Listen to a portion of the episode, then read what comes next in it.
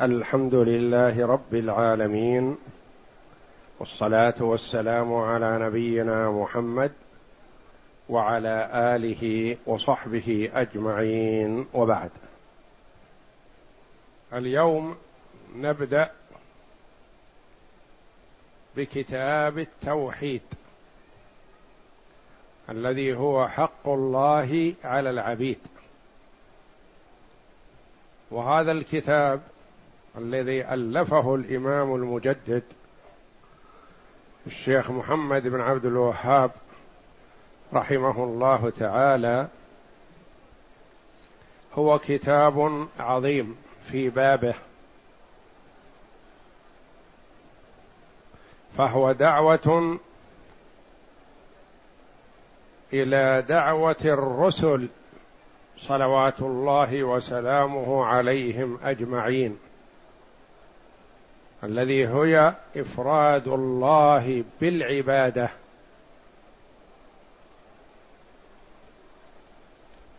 وهذا الكتاب ألفه الإمام رحمه الله في وقت انتشر فيه الشرك واتخذ دينا يتقرب به إلى الله.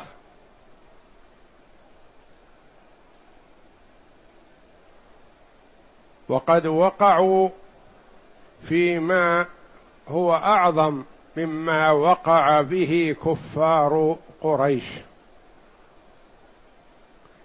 كفار قريش كما أخبر الله جل وعلا عنهم وأمثالهم أنهم يشركون في الرخاء ويخلصون في الشدة. فإذا ركبوا في الفلك دعوا الله مخلصين له الدين. وهم كفار ويعرفون ذلك. وأما فكثير ممن وجد بين أظهرهم الإمام المجدد يشركون بالله جل وعلا في الرخاء والشدة ويعتقدونه دينا ويتسمون باسم الإسلام. وهذه مصيبة أنه ما يتوقع إلا بتوفيق الله جل وعلا ودعوة أن يتوب من هذا لأنه يراه دين. فيعبدون الأشجار والأحجار ويصلون ويصومون.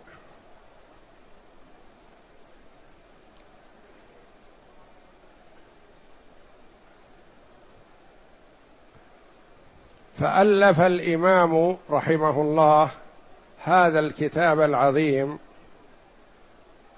الذي يعتبر كل باب من أبوابه قاعدة. من القواعد التي لا يستغني عنها مسلم.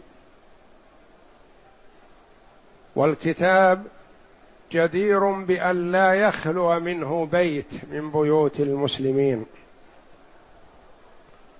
فهو كتاب جيد اعتمد على الكتاب والسنة واختصره الشيخ رحمه الله ليسهل حفظه.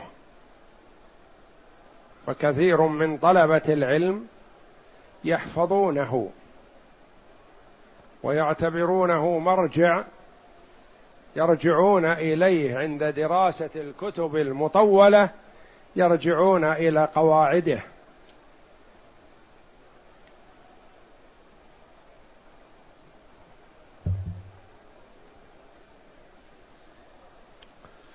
وقد شرح هذا الكتاب كثير من العلماء بعد الشيخ رحمه الله. شرحه حفيداه سليمان بن عبد الله بن محمد.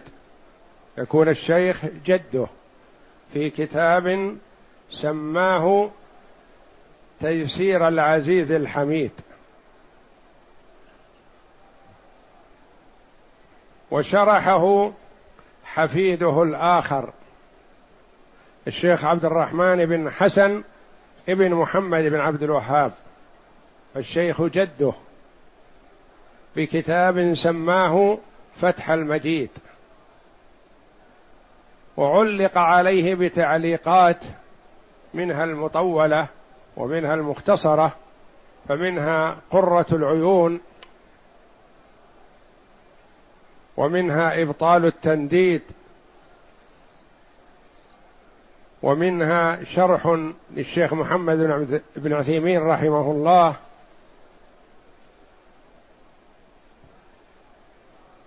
ومنها الدر النضيد للشيخ سليمان بن حمدان رحمه الله.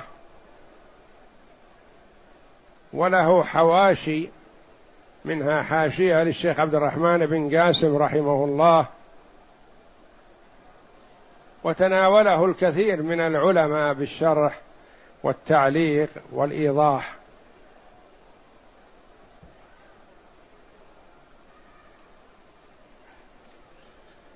ورأيت في مناسبة هذا الشهر المبارك شهر رمضان أن نبدأ به لعلنا نمر على كثير من أبوابه التي نحن في أمس الحاجة إلى استذكارها بين حين وآخر. وإن كنا قد قرأنا الكتاب قبل هذا في هذه الحلقة ولكن أحببنا أن نؤكد على ما درسنا سابقا.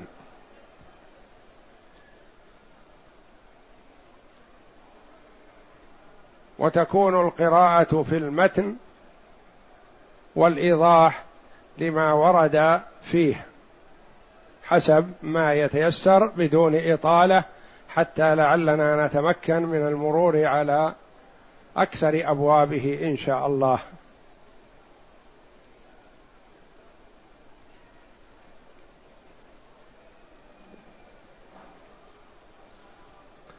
والشيخ رحمه الله سماه بهذا الاسم كتاب التوحيد الذي هو حق الله على العباد حق الله على العبيد. والمراد به توحيد الألوهية. وفيه بيان لتوحيد الربوبية وتوحيد الأسماء والصفات.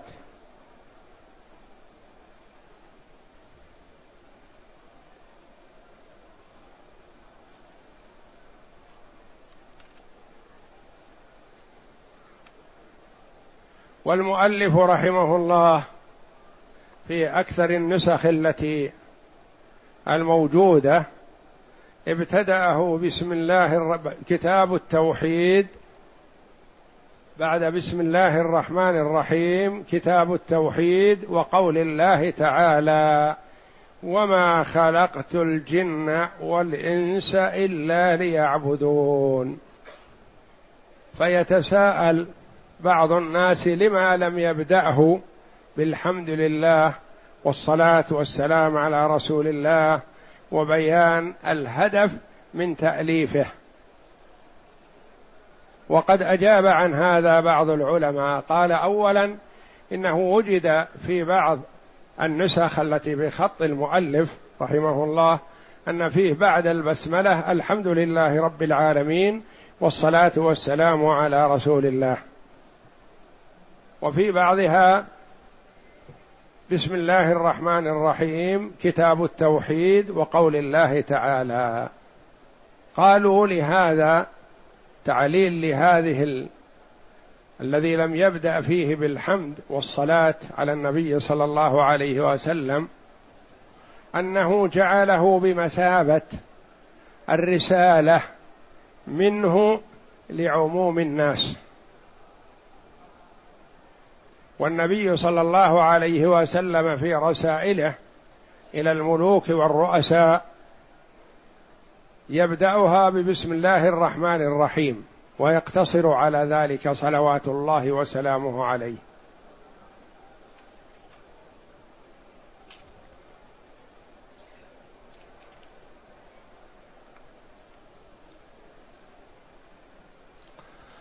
فالمؤلف رحمه الله ابتدأ ببسم الله الرحمن الرحيم. تاسيا بالكتاب العزيز القران حيث ابتدأه الله جل وعلا ببسم الله الرحمن الرحيم الحمد لله رب العالمين.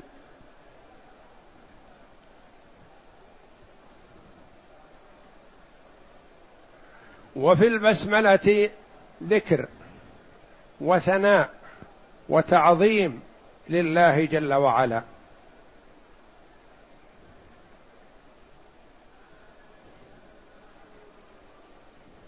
وفي أولها بسم الله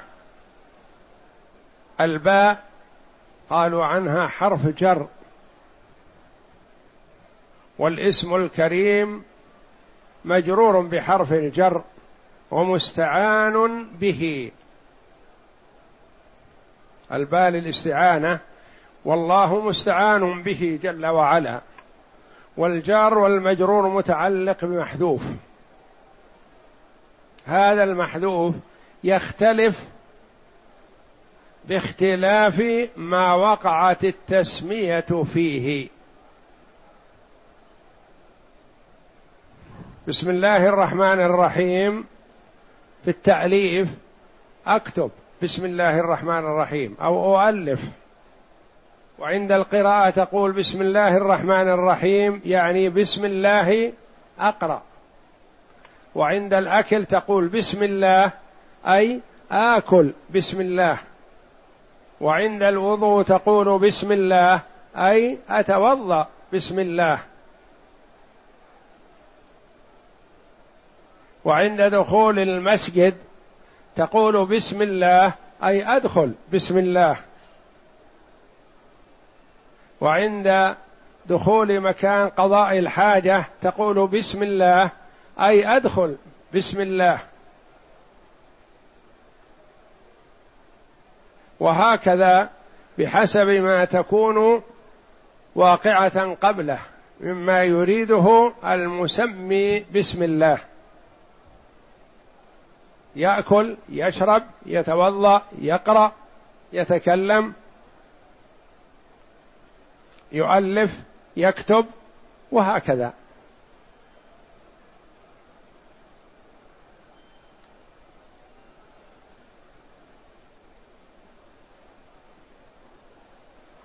واسم الله جل وعلا الله علم على ذات الباري جل وعلا. وهو كما قال سيبوي رحمه الله يعرف المعارف. وروي أن سيبويه رؤيا في المنام بعد موته فقيل ما فعل الله بك؟ قال غفر الله لي بقولي الله أعرف المعارف. لأنه من أئمة اللغة والنحو رحمه الله. والله هو الإله المعبود جل وعلا. وهو أعظم أسماء الله وقيل إنه هو الاسم الأعظم.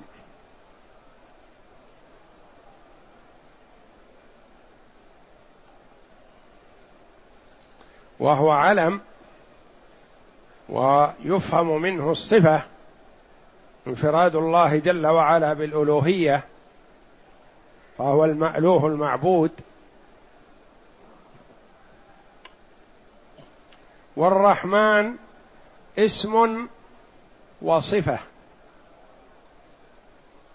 والرحيم اسم وصفة وأسماء الله جل وعلا كلها بمعانيها يشتق لله جل وعلا منها صفة. فاسمه الرحمن وهو موصوف بأنه رحمن جل وعلا. اسمه العزيز موصوف بأنه العزيز له العزة وهو ذو الرحمة. اسمه الجبار موصوف بأنه ذو الجبروت جل وعلا.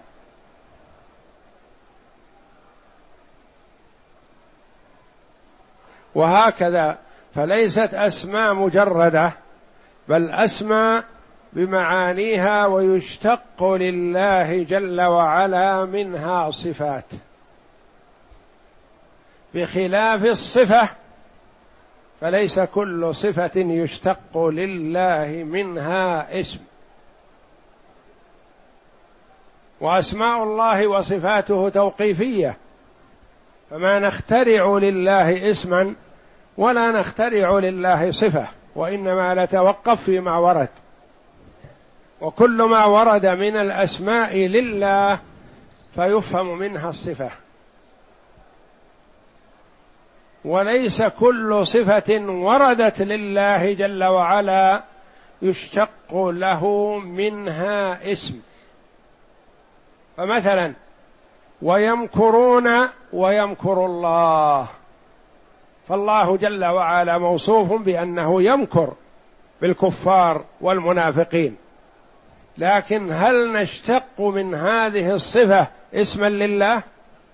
فننادي ربنا نقول يا ماكر. لا تعالى الله. هذا معنى قولنا إنه يشتق لله من كل اسم صفه لأن أسماءه لها معاني وتدل على معاني فالمعنى فيه صفة. لكن ليس كل صفة يشتق لله جل وعلا منها اسم. والأسماء والصفات كلها توقيفية. يعني يتوقف فيها على ما ورد في الكتاب والسنة ولا مجال للاجتهاد فيها.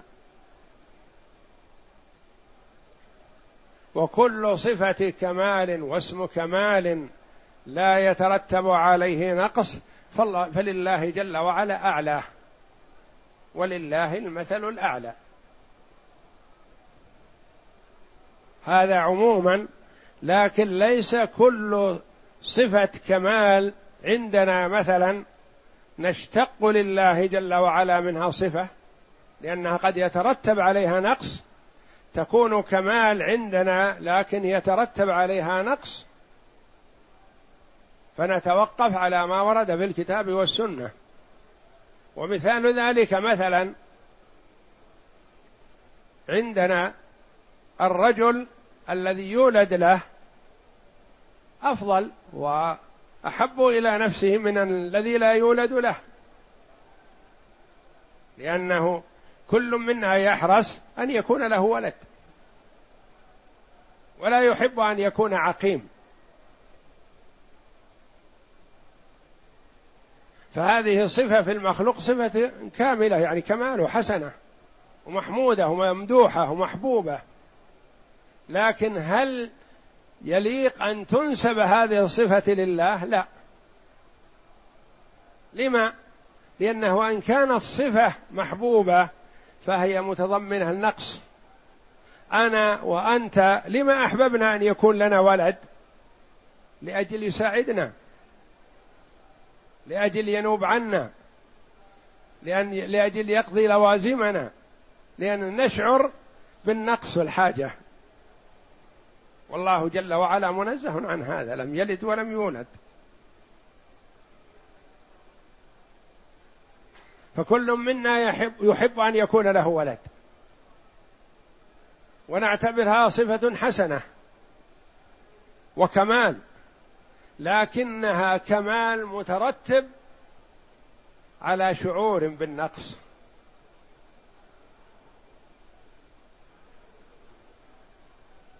ولذا نقول لا مجال للاجتهاد في إثبات أسماء وصفات الباري تبارك وتعالى. ولا مجال للرأي فيها وإنما هي توقيفية. معنى توقيفية يتوقف على ما ورد في الكتاب والسنة. والنفي ينفى عن ربنا جل وعلا جميع صفات النقص والعيب.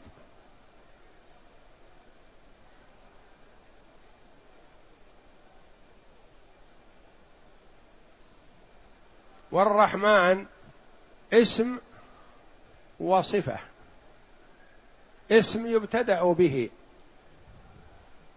فيقال الرحمن على العرش استوى. ويقول الله جل وعلا الرحمن علم القرآن فهو اسم. وصفة يقول الله جل وعلا بسم الله الرحمن الرحيم. بسم الله الله جل وعلا وموصوف بأنه الرحمن الرحيم.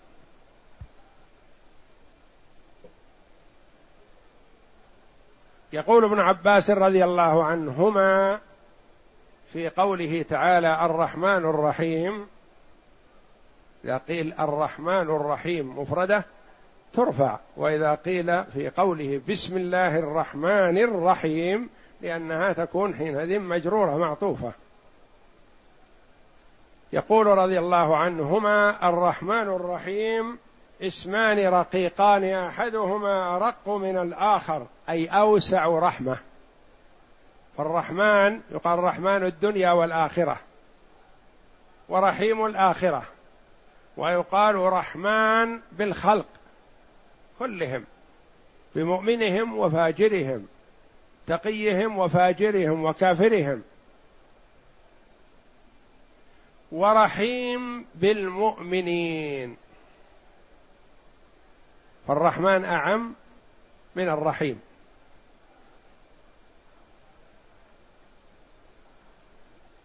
وإن أنكره كفار قريش لما سمعوا النبي صلى الله عليه وسلم يدعو يا رحمن يا رحيم قالوا ما سمعنا برحمن إلا رحمن اليمامة. وقال بعضهم لبعض محمد يأمرنا بأن لا ندعو إلا واحد وهو يدعو اثنين يدعو الله ويدعو الرحمن. فأنزل الله جل وعلا قل ادعوا الله أو ادعوا الرحمن ايما تدعو فله الأسماء الحسنى.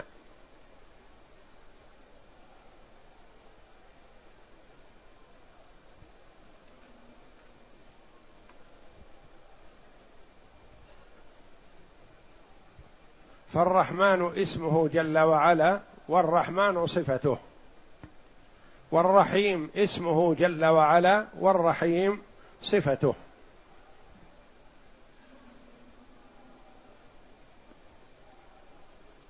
وجاء في بعض إسناد الأفعال إلى الله جل وعلا في حق الكفار ما لا يصح أن يشتق لله جل وعلا منها اسم مثل ويخادعون الله والله خادعهم. يخادعون الله ورسوله وما يخدعون إلا أنفسهم وما يشعرون. فهم يخادعون الله والله جل وعلا يخدعهم. ولا يشتق لله جل وعلا من هذه من هذا الفعل اسما ينادى به ويدعى به. وكذلك يمكرون ويمكر الله وغير هذه.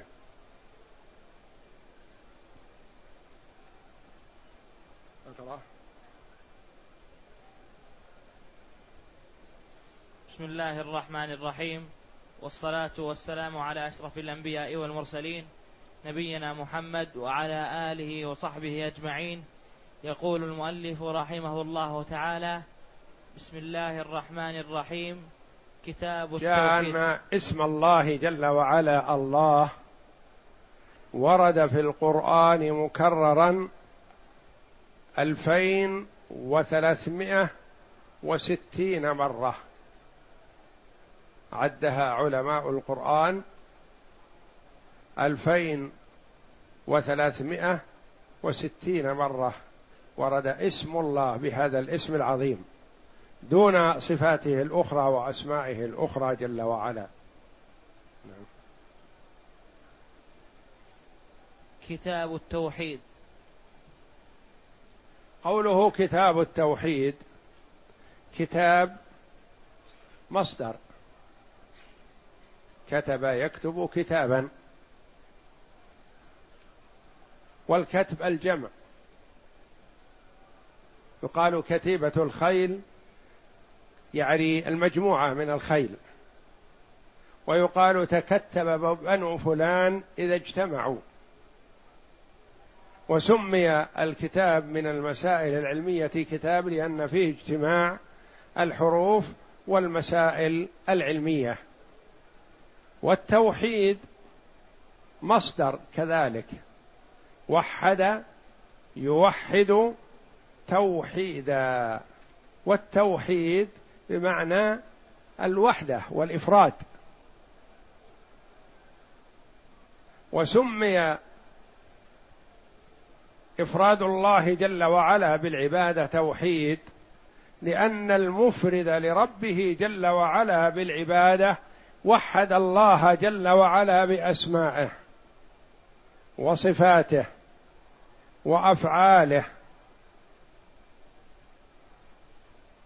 والتوجه إليه وسؤاله والتضرع إليه فهو يدعو واحدا.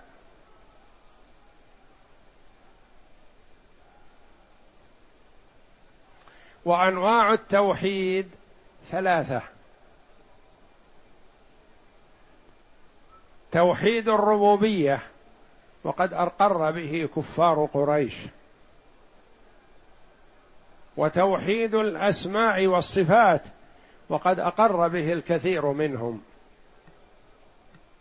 وتوحيد الألوهية وهو الذي أنكره الكفار.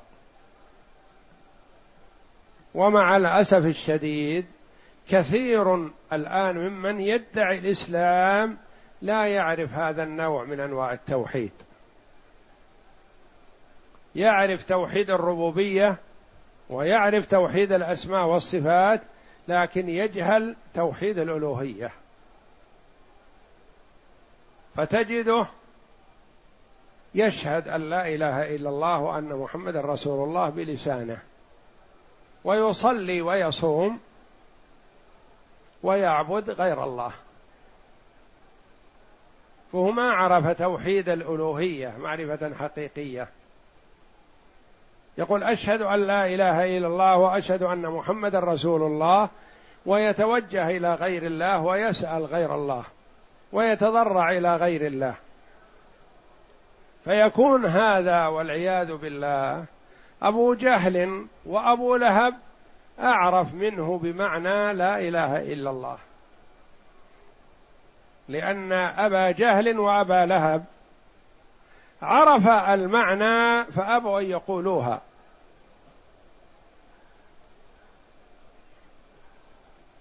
وبعض المسلمين يقولها بلسانه لكن يناقضها بفعله. من يدعي الإسلام ولا اللي يناقضها بفعله ما يكون مسلم. إذا توجه إلى غير الله يسأله ويتضرع إليه ويطلب منه. هذا الكفر وهذا الشرك. وهو الشرك الأكبر المخرج من الملة المبطل للعبادة. والله جل وعلا يقول لعبده ورسوله محمد صلى الله عليه وسلم لئن أشركت ليحبطن عملك. والله جل وعلا يعلم ازلا ان رسوله محمد صلى الله عليه وسلم لا يشرك. أنه عصمه من ذلك جل وعلا. لكن هذا تعليم للأمة. لا تقل فلان مثلا تراه يدعو غير الله وكذا تقول لا هذا كبير ما يمكن يقع في الشرك. هذا يعرف. هذا كذا. الله جل وعلا يقول لمحمد صلى الله عليه وسلم لئن أشركت ليحبطن عملك. فإذا أشرك من دونه صلى الله عليه وسلم فقطعا يحبط عمله.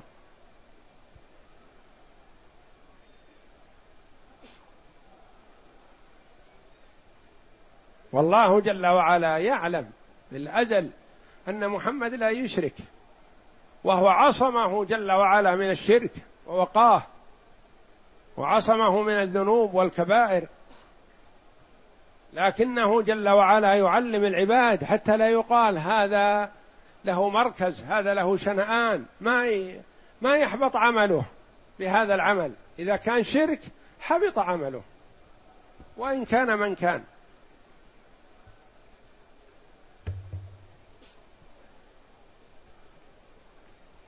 أنواع التوحيد ثلاثة. توحيد الربوبية وتوحيد الألوهية وتوحيد الأسماء والصفات. ومعرفتها بحمد الله سهلة وواضحة. نوحد الله جل وعلا بأفعاله. هذا توحيد الربوبية. بأفعاله هو الخالق الرازق المحيي المميت. هذا توحيد الربوبية وهذا يعترف به كفار قريش. ولئن سألتهم من خلقهم ليقولن الله.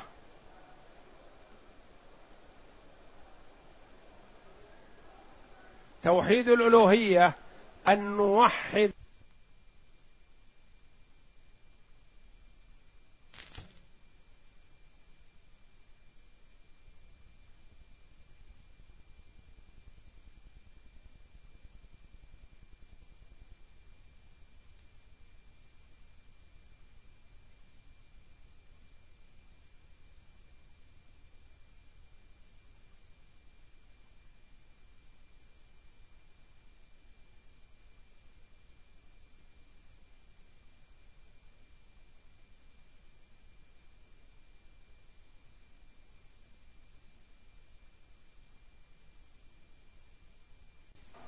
بأفعالنا يعني بدعائنا بصلاتنا بصيامنا بعبادتنا هذا توحيد الألوهية. وهذا الذي قاتل النبي صلى الله عليه وسلم عليه كفار قريش. يدعون اللات والعزى ومنات ويدعون منهم من يدعو الشمس ومنهم من يدعو القمر ومنهم من يدعو الكواكب. ومنهم من يدعو الملائكة ومنهم من يدعو ويعبد عزير ومنهم من يعبد ويدعو المسيح. منهم من يعبد خير ومنهم من يعبد شرير. والأخيار ما يرضون بعبادتهم من دون الله. وتوحيد الأسماء والصفات أن نوحد الله جل وعلا بأسمائه وصفاته.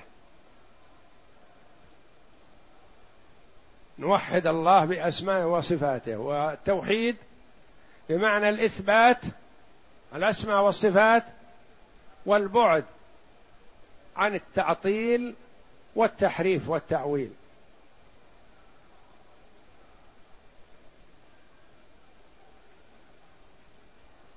والإلحاد في أسماء الله.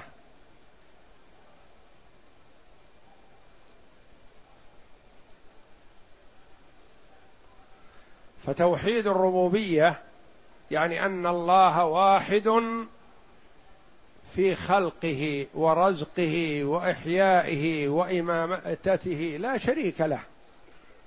لا شريك له في الخلق ولا شريك له في رزق العباد. ولا شريك له في الإحياء ولا شريك له في الإماتة. هو واحد. أن نوحد الله بأفعالنا يعني ما يصدر منا بدعائنا بصلاتنا بصيامنا بخضوعنا بخشوعنا برجائنا بخوفنا بما يصدر منا من أفعال. تكون لله وحده. أن نوحد الله بأسمائه وصفاته نثبت لله جل وعلا الأسماء الحسنى والصفات العلى على ما يليق بجلاله وعظمته. ولا نغلو فيها ولا نفرط. لا نتجاوز الحد فنشبه أو نعطل. فالتوحيد في الأسماء والصفات وسط بين طريقين ضالين.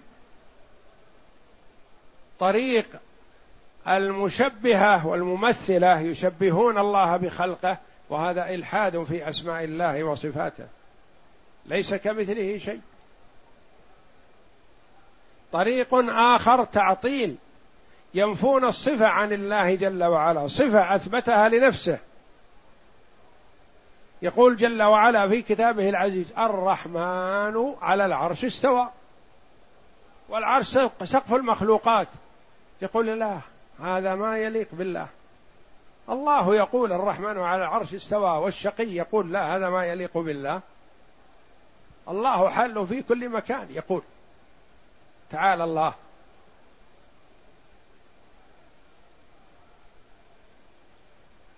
الله يصف نفسه بالرحمة. يقول لا. الرحمة رقة في القلب. فإذا أثبتناها شبهنا الله بخلقه. رقة في القلب في وفيك وفي الخلق. وأما الله جل وعلا فصفته تليق به. فالمعطل ما عطل إلا بعدما شبه. يعني وقع في نفسه التشبيه فأراد أن يفر منه ففر إلى ماذا؟ إلى التعطيل. فهو كما يقولون كالمستجير من الرمضاء بالنار. فر من التشبيه ضلال. فر منه إلى التعطيل.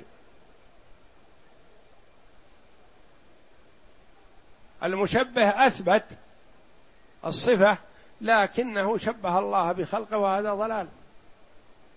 وإلا الإثبات حسن. لكن تجاوز الحد في الإثبات فشبه.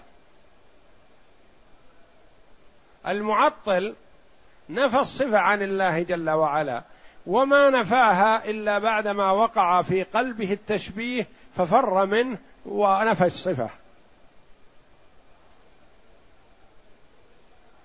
وصاحب السنة أثبت لله جل وعلا ما أثبته لنفسه أو أثبته له رسوله صلى الله عليه وسلم. من الأعلم بالله هو الله جل وعلا. ومن أعلم الخلق بربه جل وعلا محمد صلى الله عليه وسلم. أثبت الله لنفسه شيئا يليق بالشقي أن يقول لا أنا ما أثبت لله ما أثبته لنفسه. أثبت له رسوله صلى الله عليه وسلم صفة من الصفات. يقول لا هذه يترتب عليها كذا أنا ما أثبتها. أنت أعلم بالله من رسول الله صلى الله عليه وسلم حينما أثبتها؟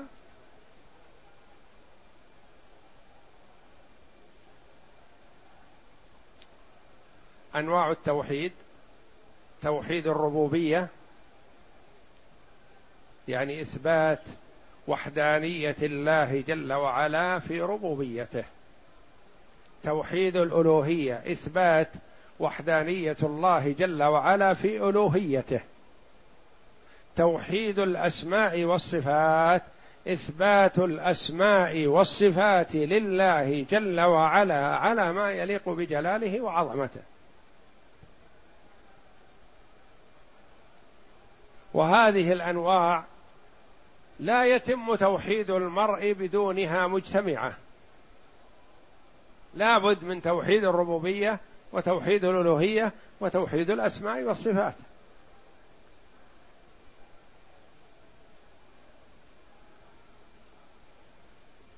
وبعض العلماء رحمهم الله يقول أنواع التوحيد نوعان. توحيد في المعرفة والإثبات وتوحيد في الطلب والقصد. توحيد في المعرفة والإثبات يدخل فيه توحيد الربوبية وتوحيد الأسماء والصفات. وتوحيد في المع في ال... في الطلب والقصد توحيد الألوهية. يعني تتوجه يكون توجهك إلى الله وحده.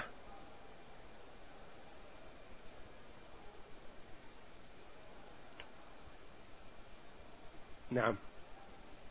وقول الله.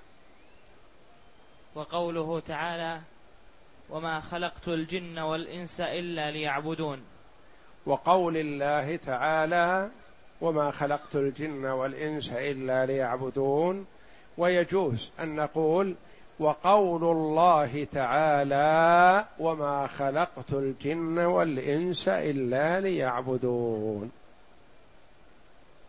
إذا قلنا وقول الله تعالى يعني كتاب التوحيد وقول الله تعالى. قول معطوف على التوحيد.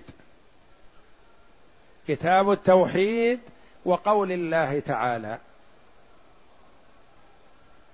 وإذا رفعنا قلنا وقول الله تعالى يكون معطوف على كتاب التوحيد على الجملة. وقول الله تعالى. يعني الواو للاستئناف والعطف وقول معطوف على ما قبلها معطوف لا على المجرور اللي هو كلمة التوحيد وإنما هو معطوف على كتاب. كتاب التوحيد وقول يعني هذا فيه أمران. كتاب التوحيد وقول. وإلا كتاب التوحيد وقول الله تعالى. كتاب التوحيد وقول الله تعالى. يعني يكون معطوف بالجر معطوف على التوحيد وبالرفع على الاستئناف والعطف يعني عطف على الجملة. يعني يكون عطف جملة على جملة والجر عطف مفرد على مفرد. وقول الله تعالى إثبات العلو لله جل وعلا والنزاهه والنزه وتنزيه الله جل وعلا عن يشابهه أحد وما خلقت الجن والإنس إلا ليعبدون. يبين جل وعلا الغرض من خلق الجن والإنس. أنت تقول لولدك الصغير مثلا من ربك؟ يقول ربي الله. وما دينك؟ ديني الإسلام. ومن نبيك؟ نبي محمد. تقول له لماذا خلقك الله؟ يقول لعبادته. وما خلقت الجن والإنس إلا ليعبدون. ما خلقهم جل وعلا ليتكثر بهم من قلة؟ ولا ليتعزز بهم من ذلة؟ ولا ليعملوا له شيئا ما سوى العبادة ما خلقهم إلا لعبادته. فمن عبد الله جل وعلا فقد أطاع الله فيما أمره الله به ومن لم يعبد الله فقد عصاه. وما خلقت الجن والإنس إلا ليعبدون. لهذا الغرض.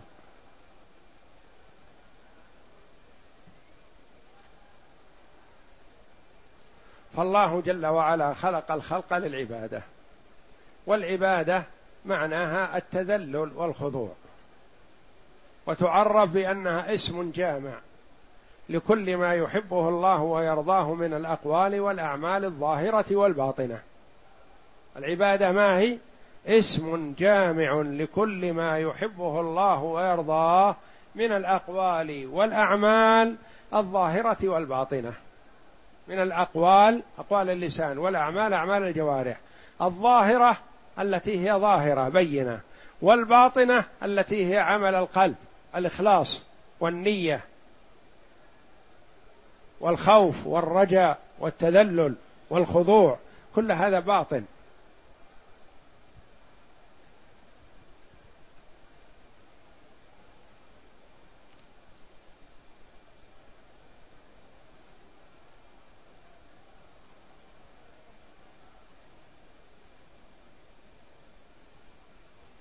والله جل وعلا بين أن كل ذي عقل عابد لله جل وعلا. إن كل من في السماوات والأرض إلا اتي الرحمن عبدا. لقد أحصاهم وعدهم عدا.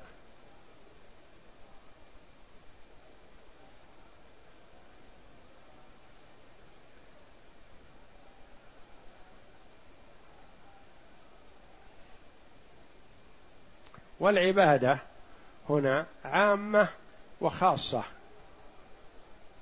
عامة فكل ما في الكون عبد لله. المسلم عبد لله. الكافر عبد لله. شاء أم أبى. العاقل عبد لله. البهيم عبد لله. كلهم عبيد الله جل وعلا. إن كل من في السماوات والأرض إلا اتي الرحمن عبدا.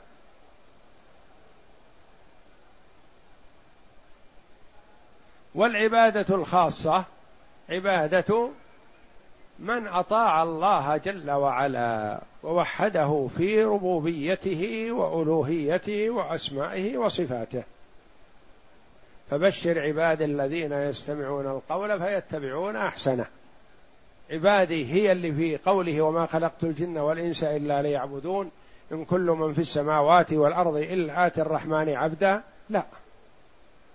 إن كل من في السماوات والأرض إلا آتي الرحمن عبدا تشمل البر والفاجر والمؤمن والكافر؟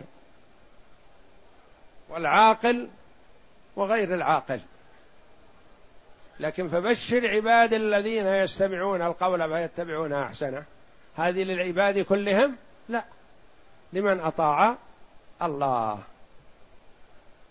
فتأتي العبادة بمعنى العموم وتأتي بمعنى الخصوص. فالعبادة العامة عبادة كل من في الكون لله. والعبادة الخاصة من أطاع الله جل وعلا ووحده.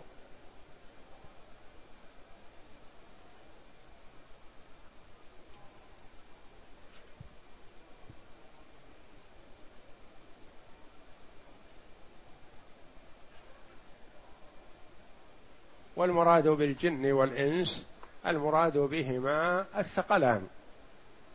ونبينا صلى الله عليه وسلم مرسل إلى الثقلين إلى الجن والإنس. وهذه من خصائصه صلى الله عليه وسلم. فهو بلغ الإنس والجن وكان عليه الصلاة والسلام يخرج إلى الجن ويواعدهم ويلتقي بهم ويعلمهم. وقد يخرج أحيانا إليهم على وعد معهم ويخرج معه في بعض الصحابة أحيانا بابن مسعود وأحيانا بأبي هريرة ويجعله يجلس بعيدا ما يقرب لأنه ما يستطيع ما يتحمل أن يقابل الجن. وهم يروننا ونحن لا نراهم. وقد ذكر شيخ الإسلام ابن تيمية رحمه الله تعالى أنهم إن دخلوا الجنة فنحن نراهم وهم لا يروننا.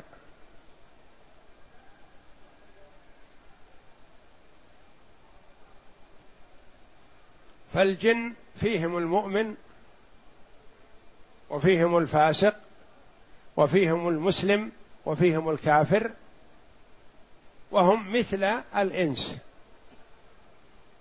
إلا أنه ليس فيهم رسل وإنما منهم نذر.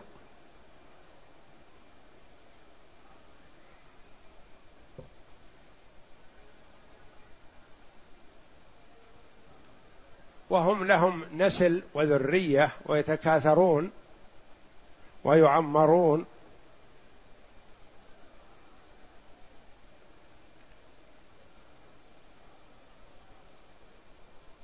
وما خلقت الجن والإنس إلا ليعبدون.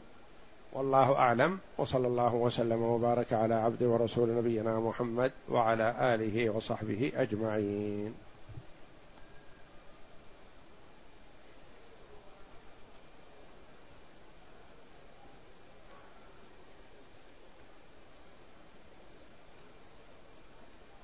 هذه المقدمة وسنحاول إن شاء الله مستقبلا أن نسير أسرع من كذا حتى نتمكن إن شاء الله من أخذ أكبر عدد ممكن من الأبواب. والمهم أن يكون معكم المتن كتاب التوحيد وسواء كان معكم فتح المجيد أو تيسير العزيز الحميد أو الحاشية أو آه، الدر النضيد أو أي كتاب اللي فيها المتن منفصل نمشي عليه إن شاء الله.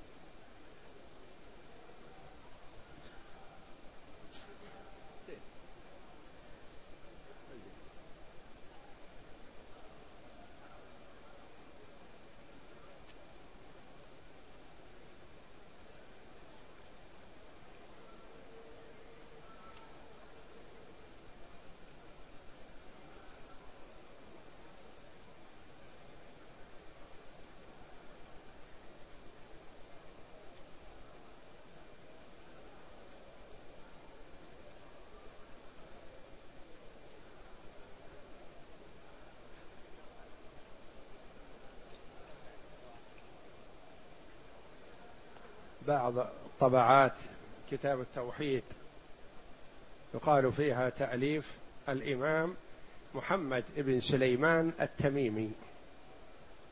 والمراد به الشيخ محمد بن عبد الوهاب رحمه الله تعالى.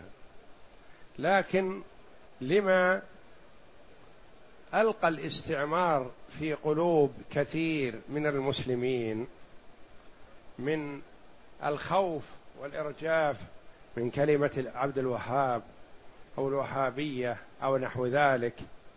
صار بعض من يطبع كتاب التوحيد يحذف كلمة عبد الوهاب لأنه هو الشيخ محمد ابن عبد الوهاب ابن سليمان فأبوه عبد الوهاب.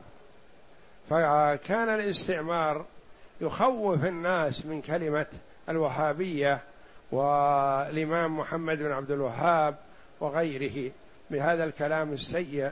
والإمام محمد بن عبد الوهاب رحمه الله تعالى ما خرج عن الكتاب والسنة. انظر كتاب التوحيد هذا. آيات وأحاديث يوردها على أبواب. له الترجمة غالبا. الترجمة يعني الباب كذا. هم يأتي بالآيات والأحاديث من القرآن ومن السنة الصحيحة. لكن الأعداء أحبوا أن يفرقوا بين المسلمين وأن يوقعوا بينهم العداوة بهذه الإيحاءات السيئة. وينسبون ويفترون على الشيخ وأتباعه بأنهم لا يحبون النبي صلى الله عليه وسلم ولا ولا كذا. والشيخ محمد بن عبد الوهاب رحمه الله ذكر من أركان الصلاة الصلاة على النبي صلى الله عليه وسلم. يعني ما تصح صلاة العبد حتى يصلي على النبي صلى الله عليه وسلم. يقول أشهد أن لا إله إلا الله وأشهد أن محمدا عبده ورسوله. اللهم صل على محمد وعلى آل محمد. والصلاة غير صحيحة إذا ما صلى. فكيف يقال عن هذا إنه ما يحب النبي صلى الله عليه وسلم؟ ويقول إنه ما يحب الأولياء ولا يحب كذا وهو ما يحب عبادة الأولياء. ما يريد من المسلمين أن يعبدوا الأولياء وإنما يعبدوا الواحد الأحد الفرد الصمد. ومحبة الأولياء دين ندين الله بها محبتهم. الحب في الله والبغض في الله أوثق عرى الإيمان. نحب الأولياء والصالحين ونترحم عليهم ونترضى عنهم لكن ما نعبدهم. ولا نصرف لهم شيء من أنواع العبادة. فالمحبه شيء وصرف شيء من أنواع العبادة شيء آخر. هم أنفسهم الأولياء والصالحون ما يحبون ولا يرضون أن يصرف لهم شيء من أنواع العبادة. أفضل الأولياء صلوات الله وسلامه عليه لما قيل له ما شاء الله وشئت قال أجعلتني لله ندا بل ما شاء الله وحده. وقال لا تطروني كما أطرت النصارى ابن مريم إنما أنا عبد فقولوا عبد الله ورسوله. وهو عليه الصلاة والسلام عبد لا يعبد ورسول لا يكذب. فهو من حيث العبودية عبد. الله جل وعلا سماه في محكم كتابه في أفضل المواقع والمواطن سبحان الذي أسرى بعبده ليلا من المسجد الحرام إلى المسجد الأقصى. وقال الحمد لله الذي أنزل على عبده الكتاب ولم يجعل له عوجا.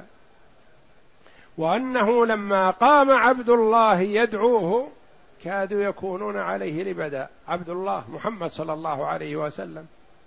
فهو عبد لا يعبد. ورسول ما يكذب ما ينطق عن الهوى صلوات الله وسلامه عليه إن هو إلا وحي يوحى. يبلغ رسالة ربه جل وعلا. ويجب يجب على المسلم أن يتخذ الوسطية في جميع أموره. الرسول صلى الله عليه وسلم أفضل الخلق على الإطلاق. وأحب الخلق إلى الله وهو سيد ولد آدم صلوات الله وسلامه عليه وليس له شيء من العبادة. لكن يحرم تكذيبه صلى الله عليه وسلم في أمر من الأمور لأنه كما قال الله جل وعلا عنه وما ينطق عن الهوى فتكذيبه تكذيب لله تبارك وتعالى. لأن الله أخبر عنه أنه صادق وما ينطق عن الهوى فمن كذبه فقد كذب الله. ومن عبده فقد جعله شريكا لله في العبادة كفر بالله.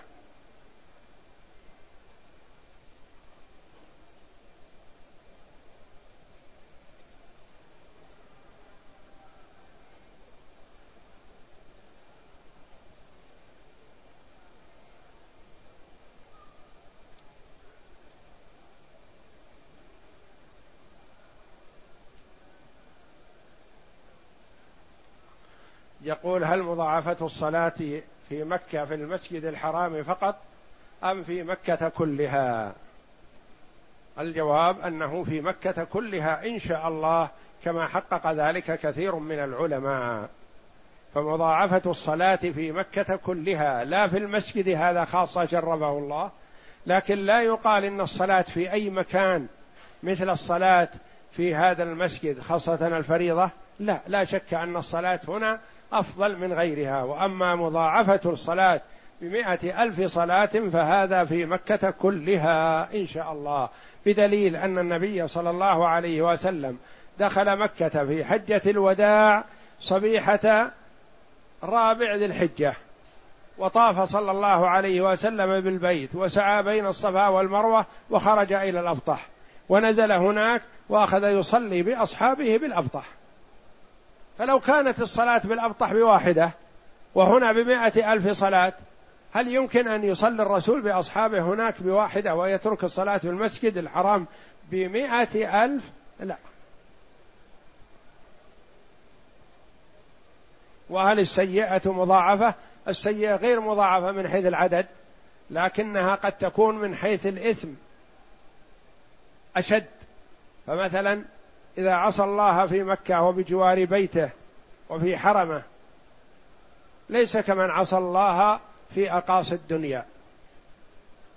وأما من حيث العدد ما يقال إن السيئة مضاعفة بعشر أو بمئة أو بأكثر.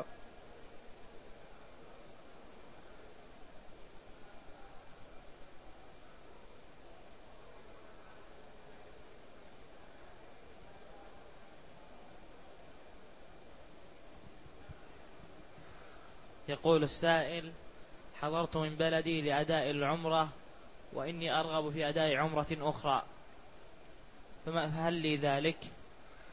ما دمت أديت العمرة والحمد لله فأكثر من الطواف بالبيت. أكثر من الطواف بالبيت. أفضل أعمال العمرة الطواف بالبيت شرفه الله. وهذا يتسنى كل وقت. وإذا ذهبت وخرجت ورجعت وأحرمت وسعيت وطفت وكذا وكذا طواف واحد. ولو صرفت بعض هذا الوقت في تكرير الطواف لحصلت على أسباع كثيرة. فلعل تكرار الطواف خير لك. هذا يقول هل يصام يوم الشك لمن عليه قضاء من رمضان الماضي؟ نعم بل يجب عليه المبادرة. ويجب عليه يقضي حتى يوم الشك. لكن ما يصوم يوم الشك بنية الاحتياط لرمضان ويصوم اليوم الذي يكون يوم الثلاثين من شعبان إذا كان من عادته أن يصومه. فمثلا يوم الخميس القادم محتمل أن يكون اليوم الأول من رمضان ومحتمل أن يكون اليوم الثلاثين من شعبان. فإن ثبت أنه الأول من رمضان فيصاب من رمضان. وإن لم يثبت وأعلن بأنه ليس من رمضان وأنه المتمم لشعبان فمن كان من عادته يصوم يوم الخميس يصومه لأنه سيصومه نفلا لا يصومه فرضا. إنما النهي أن يصوم المرء من باب الاحتياط لرمضان هذا ما يجوز.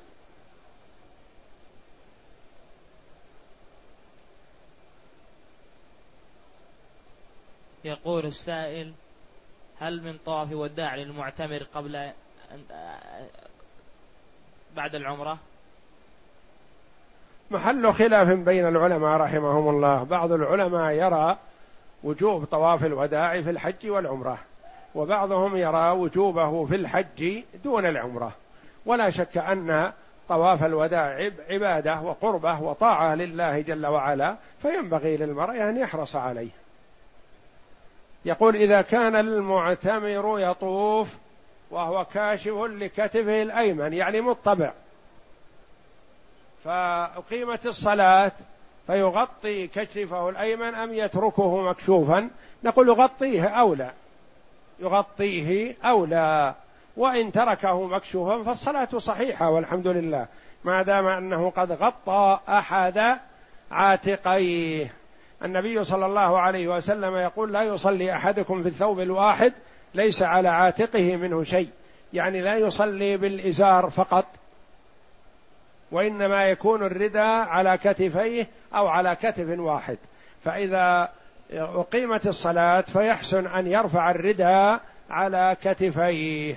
وإذا أراد أن يتمم طوافه بعد هذا أن يطبع. فيجعل وسط الرداء تحت إبطه الأيمن وطرفيه على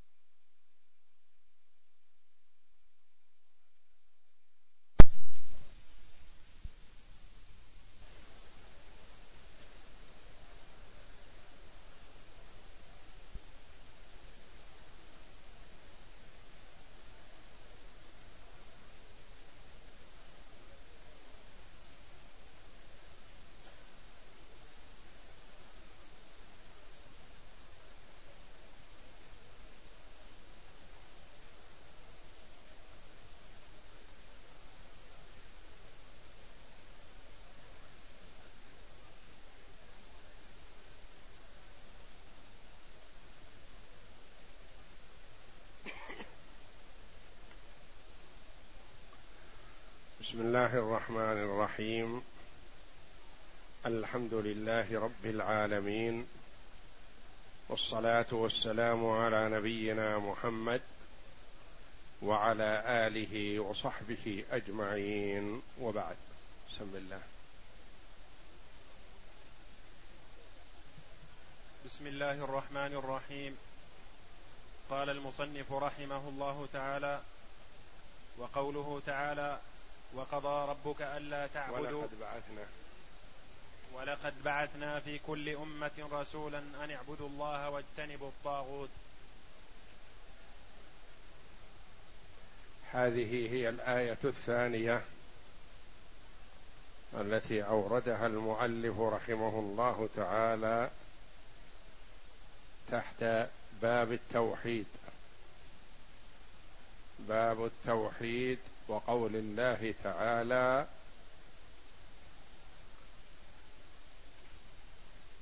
وما خلقت الجن والانس الا ليعبدون وقوله تعالى ولقد بعثنا في كل امه رسولا ان اعبدوا الله واجتنبوا الطاغوت كما تقدم قوله تعالى وقوله تعالى. يصح قوله تعالى على أساس الاستئناف وقوله تعالى على أساس العطف على التوحيد.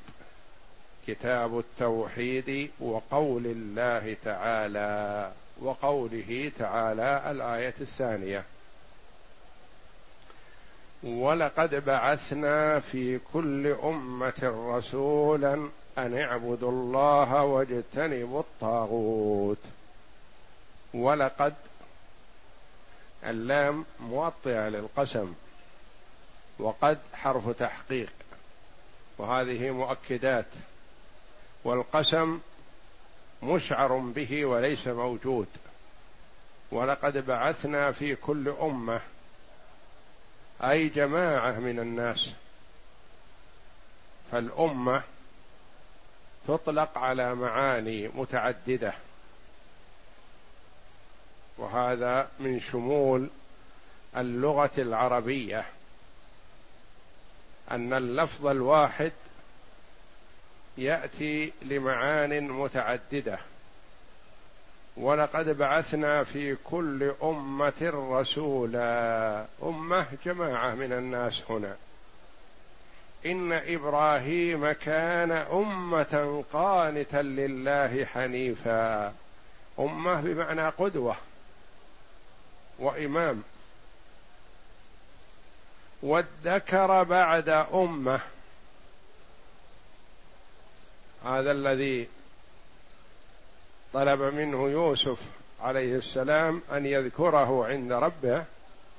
نسي لكنه بعد زمن طويل ادكر ذكر وادكر بعد أمة يعني بعد زمن.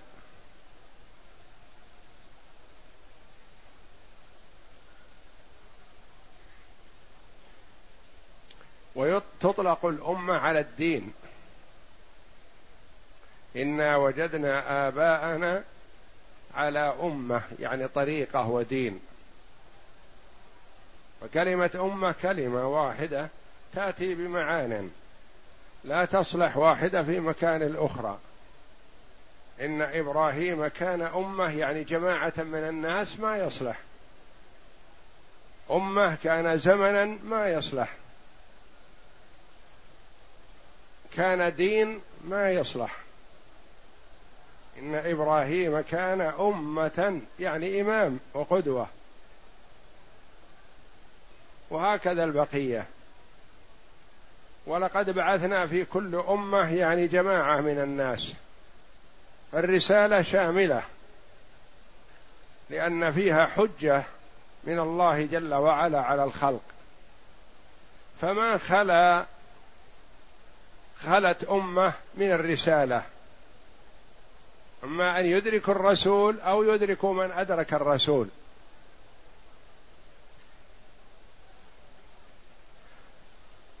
أن اعبدوا الله واجتنبوا الطاغوت. هذه دعوة الرسل. أن اعبدوا الله واجتنبوا الطاغوت. تعادل كلمة لا إله إلا الله. تعادل كلمة لا تعبدوا إلا الله. فكلمة التوحيد نفي وإثبات. لابد النفي وحده ليس بشيء والإثبات ما يمنع المشاركة. فلا بد من النفي والإثبات. لا إله نفي إلا الله إثبات. لا تعبدوا نفي. إلا الله إثبات. أن اعبدوا الله إثبات. واجتنبوا الطاغوت نفي. فلا بد من النفي والإثبات في العبادة. لأن النفي وحده ما في أمر بالعبادة وليس فيه توحيد. والإثبات وحده ما يمنع المشاركة. الإثبات وحده ما يمنع المشاركة. لو قال مثلا قائل اعبدوا الله يقولون نعم نحن معك. نعبد الله ونعبد معه غيره. ما عصون ما عصيناك نعبد الله ونعبد معه غيره. لا تعبدوا إلا الله ما يستطيعون يقولون ما عصيناك إذا عبدوا غير الله. أن اعبدوا الله وحده واجتنبوا الطاغوت الطاغوت من الطغيان. اجتنبوا بمعنى أبعدوا. أبعدوا عنه واتركوه واقلوه. والطاغوت من الطغيان وهو مجاوزة الحد. الطاغوت متجاوز الحد وكلمة الطغيان للمجاوزة إنا لما طغى الماء حملناكم في الجارية. وش معنى طغى الماء؟ يعني زاد وارتفع.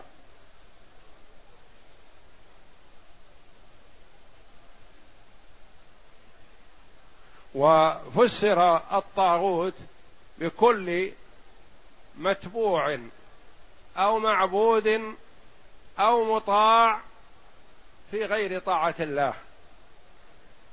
كل متبوع أو معبود أو مطاع.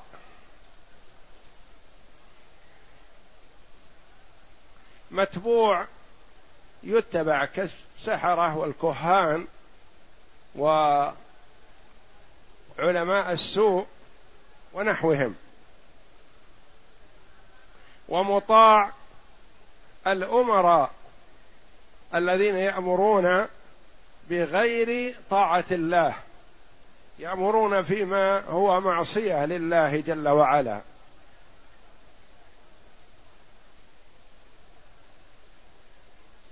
أو معبود كالآلهة التي تعبد من دون الله. فهي طواغيت.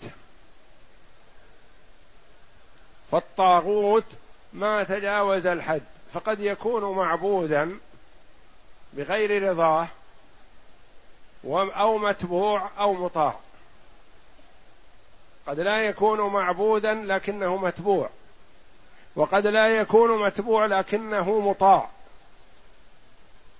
فكل هؤلاء طواغيت.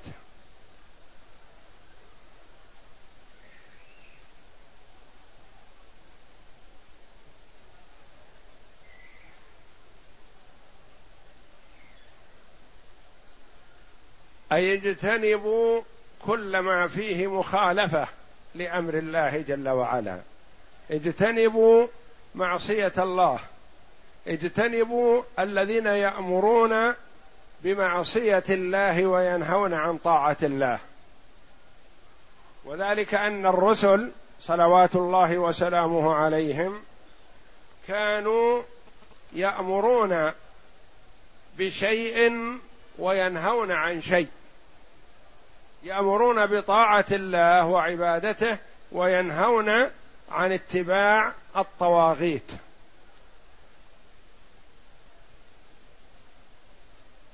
وهذه تؤدي معنى لا إله إلا الله.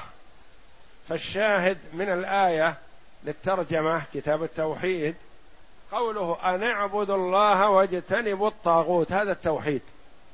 اعبدوا الله وحده. واجتنبوا الطاغوت أبعدوا عنه.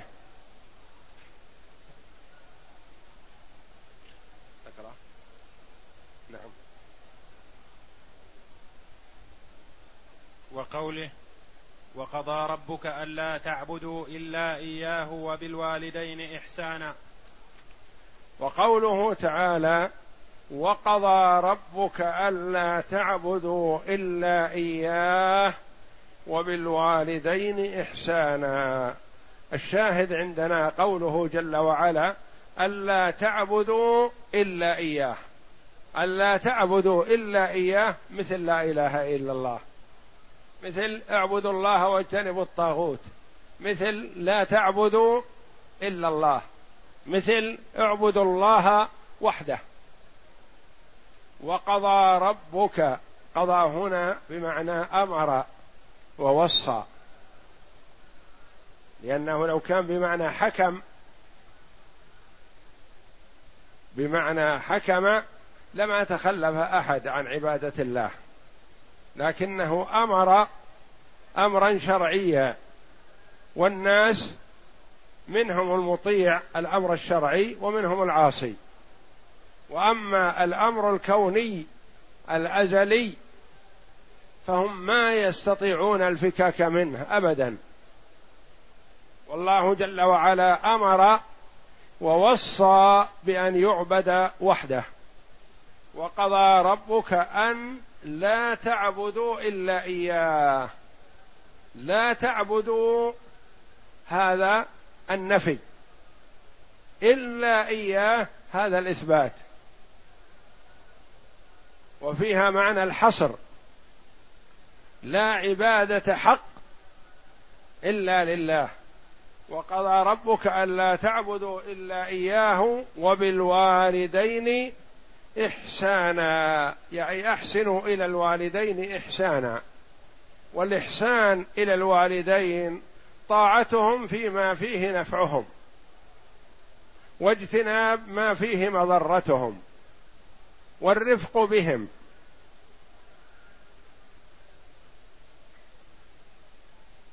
وكونه جل وعلا قرن حق الوالدين بحقه دلالة على عظم حق الوالدين وأنه أعظم الحقوق بعد حق الله تعالى. أعظم الحقوق ما هو؟ هو حق الله جل وعلا الخالق الرازق المحيي المميت. يليه حق الوالدين. قد يقول قائل مثلا ألا تقولون يليه حق الرسول صلى الله عليه وسلم حق الله ثم حق الرسول ثم حق الوالدين؟ نقول لا. حق الله مشتمل على حق الرسول. حق الرسول داخل ضمن حق الله لأنه ما يمكن أن تعبد الله حقا إلا بطاعة الرسول وعلى ضوء ما شرعه الرسول. ولهذا الشهادتان تعتبر ركن واحد ما تعتبر ركنان. يعني الصلاة والزكاة ركنان. شهادة أن لا إله إلا الله وأن محمد رسول الله يصح أن نقول ركنان؟ لا. لأن كل واحدة مكملة للآخر. لو شهد أن لا إله إلا الله وما شهد أن محمد رسول الله تنفعه؟ لا والله. ما تنفعه. لو شهد أن محمد رسول الله وما شهد أن لا إله إلا الله ما نفعته شهادة أن محمد رسول الله؟ ولهذا هنا في الحقوق قضى ربك ألا تعبدوا إلا إياه وبالوالدين إحسانا. فحق الوالدين هو الذي يلي حق الله جل وعلا. وحق الرسول صلى الله عليه وسلم داخل في ضمن حق الله جل وعلا.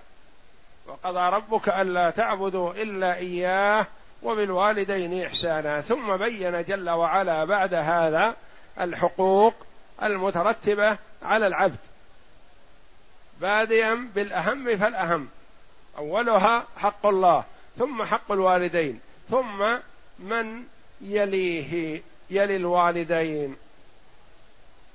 والمراد بالوالدين الأب والأم. وإن علوا لكن كل ما كان أقرب فهو آكد في الأحقية حق الوالدين المباشرين أولى من حق الجدين والأجداد. وهكذا كلما قرب من الإنسان فهو أكثر حقا. وكذلك القرابة عموما. كلما كان أقرب فهو أكثر حق. ولهذا قال بعض العلماء إن حق القرابة إلى الحق الرابع الجد الرابع. ما كنت تجتمع به معه بالجد الرابع فهذا قرابة وله حق وله صلة. لكن الذي تجتمع معه في الاب أكثر حقا. والذي تجتمع معه في الجد يليه وهكذا. إلى الجد الرابع ثم يبعد ألا تعبدوا إلا إياه بالوالدين إحسانا. نعم. وقال واعبدوا الله ولا تشركوا به شيئا. كذلك. هذه الآية الرابعة. واعبدوا الله ولا تشركوا به شيئا. جميع الآيات مشتملة على النفي والإثبات. قدم النفي يليه الإثبات. قدم الإثبات يليه النفي. اعبدوا الله ولا تشركوا. اعبدوا الله ولا تشركوا. بمعنى لا إله إلا الله. بمعنى لا تعبد إلا الله. اعبدوا الله والعبادة كما تقدم اسم جامع لكل ما يحبه الله جل وعلا ويرضاه من الأقوال والأعمال الظاهرة والباطنة. اسم جامع لكل ما يحبه الله. فالصلاة عبادة والزكاة عبادة بر الوالدين عبادة أركان الإسلام كلها عبادة الحقوق الشرعية عبادة صلة الرحم عبادة الإحسان إلى الفقير والمسكين والرفق باليتيم والإحسان إليه والرفق بابن السبيل وغيرهم كل هذا من العبادة التي يحبها الله جل وعلا. من ذلك أعمال القلوب التوكل والخشية والإنابة والخوف والرجاء. هذه عبادة لله جل وعلا. واعبدوا الله ولا تشركوا به شيئا. لا تجعل له شريك. إذا عبدت الله وجعلت معه شريك بطلت عبادتك. من شروط صحة العبادة الخلوص من الشرك. فما تجتمع العبادة والشرك. الشرك يحبط العمل. كما قال الله جل وعلا ولقد أوحي إليك وإلى الذين من قبلك لئن أشركت ليحبطن عملك. الآن كثير من الناس ممن يدعي الإسلام يصلي يصوم يحج يعتمر يتقرب إلى الله يذهب إلى صاحب القبر أو الولي المزعوم أو غيره ويسأله ويخضع عنده ويرجوه. هذا حبط عمله. لأنه أشرك. والشرك يحبط العمل كله. بخلاف مثلا الشرك الأصغر الذي هو الرياء ونحوه هذا يحبط العمل الذي خالطه هذا الشرك. ولا يحبط بقية الأعمال لأنه أصغر غير مخرج من الملة. لكن الشرك الأكبر محبط لكل عمل. فكثير ممن يدعي الإسلام يجهل الإسلام حقيقة. يصلي ويصوم ثم يناقضه يفسد قوله وعمله. يفسد عبادته بالتوجه إلى غير الله. لأن الخضوع والتوجه والدعاء الدعاء مخ العبادة. يدعو يقول افعل لي واعمل لي ورد علي ضائعتي رد علي غائبي اشف مريضي؟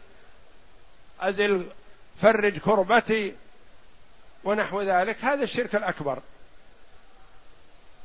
لأن فرق بين أن يأتي الشخص إلى إنسان حي يستطيع يساعده أو يأتي إلى إنسان ميت.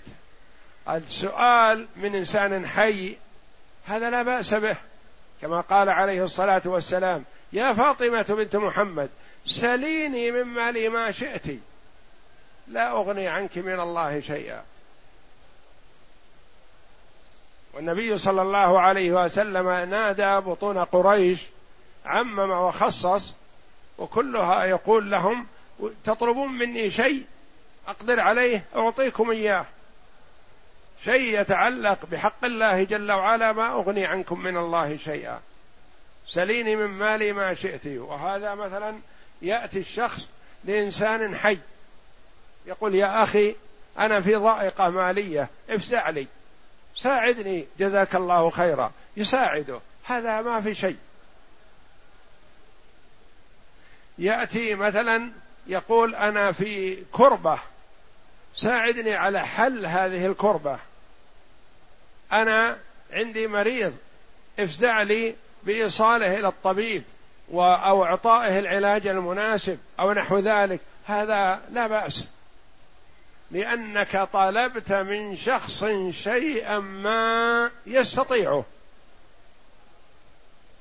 تطلب من شخص ما شيئا ليس من خصائصه جعلته معبودا لك. عبدته من دون الله. دعوته. ميت ما يستطيع ينفعك بشيء. فمعناه أنك دعوته دعاء عبادة. وهذا محبط للعمل. قادر على أن ينفعك بشيء ما تطلب منه. تقول ادعو لي يا أخي ما أريد منك لا مال ولا شيء من هذا وإنما أريد منك دعوة. لعل الله أن يستجيبها. هذا لا بأس.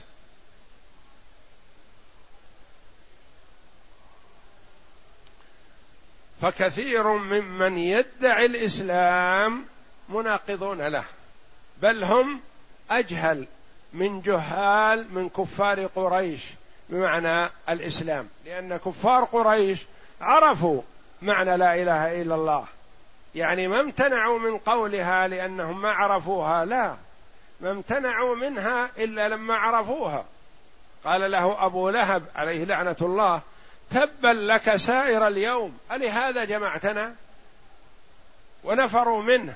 وقالوا أجعل الآلهة إلها واحدا إن هذا لشيء عجاب. الآلهة في الكعبة شرفها الله. ثلاثمائة وستون صنم تعبد من دون الله. ويتفاخرون بآلهتهم.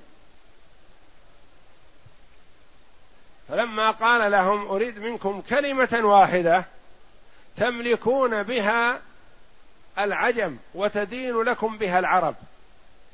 قالوا لك وعشر أمثالها. ما دام هالكلمة واحدة يحصل فيها هذا العطاء نملك بها العجم وتدين لنا تخضع لنا العرب. نعطيك إياها وعشر أمثالها. قال قولوا لا إله إلا الله. كلمة واحدة. عرفوا معناها حقيقة. رفضوا. ما يريدونها. قالوا أجعل الآلهة إلها واحدا. إن هذا لشيء عجاب. يريد كلنا نجتمع على معبود واحد له. وفي الكعبة ثلاثمائة وستين صنم تعبد من دون الله. فهم عرفوا معناها يعني ما رفضوها لأنهم ما عرفوها عرفوا معناها فأبوها. ومع الأسف الشديد كثير ممن يدعي الإسلام ما يعرف معناها. يصلي ويصوم ثم يذهب ويخضع عند صاحب الضريح ويطاطئ رأسه ويستكين كأنه بين يدي الله جل وعلا وأكثر. ربما أنه إذا صلى ودخل في الصلاة بين يدي الله تجده منشغل بأمور أخرى يفكر فيها ونحو ذلك. لكن إذا وقف عند القبر أو عند الولي أو عند الضريح أو نحو ذلك ممن يتبرك به أو يزعم أن له ولاية وأنه ينفع يخضع خضوع كامل والخضوع هذا عبادة. فصرف شيئا من أنواع العبادة لهذا المع... الذي عبده بطل عمله كله.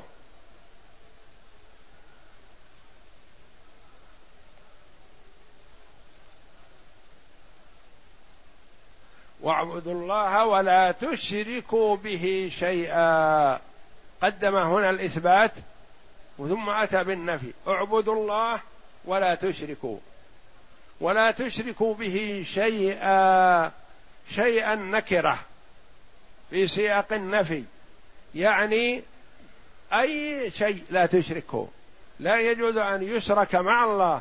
لا ملك مقرب ولا نبي مرسل. ما تقول مثلا أنا ما عبدت الشياطين وما عبدت أهل القبور وما عبدت كذا وما عبدت كذا. أنا عبدت جبريل. جبريل مقرب عند الله. الله جل وعلا يقول ولا تشركوا به شيئا كائنا من كان. يقول أنا طلبت من محمد محمد له جاه عند الله جل وعلا ويقدر أن يعطيني يقول هو عليه الصلاة والسلام لا يرضى أن تعبده من دون الله. يقول لا تطروني كما أطرت النصارى ابن مريم إنما أنا عبد. فقولوا عبد الله ورسوله. واعبدوا الله ولا تشركوا به شيئا أي شيء. إنما أفرد العبادة لربك وحده. إذا عبدت الله جل وعلا نفعتك العبادة وإن قلت. الرجل الذي أخبره النبي صلى الله عليه وسلم بأركان الإسلام قال والذي بعثك بالحق لا أزيد على هذا ولا أنقص. يقول الصلوات الخمس فقط. ما يتسنن لا قبلها ولا بعدها. ويأتي بفريضة الحج فقط. ويأتي بأركان الإسلام الخمسة لا يزيد عليها لكن التزم بأنه لا ينقص منها شيء. فالإنسان يحرص على النوافل. لماذا؟ خشيه ان ينقص من الفرائض شيء فيكمل الله به. لكن هذا الرجل التزم بأنه لا يزيد ولا ينقص. فقال النبي صلى الله عليه وسلم أفلح أن صدق. وفي حديث آخر من أراد أن ينظر إلى رجل من أهل الجنة فلينظر إلى هذا. وحلف أن لا يزيد على أركان الإسلام. لكنه التزم التزام جازم والنبي صلى الله عليه وسلم يعرف أنه صادق وعازم على قوله أنه لا ينقص فشهد له بالجنة عليه الصلاة والسلام.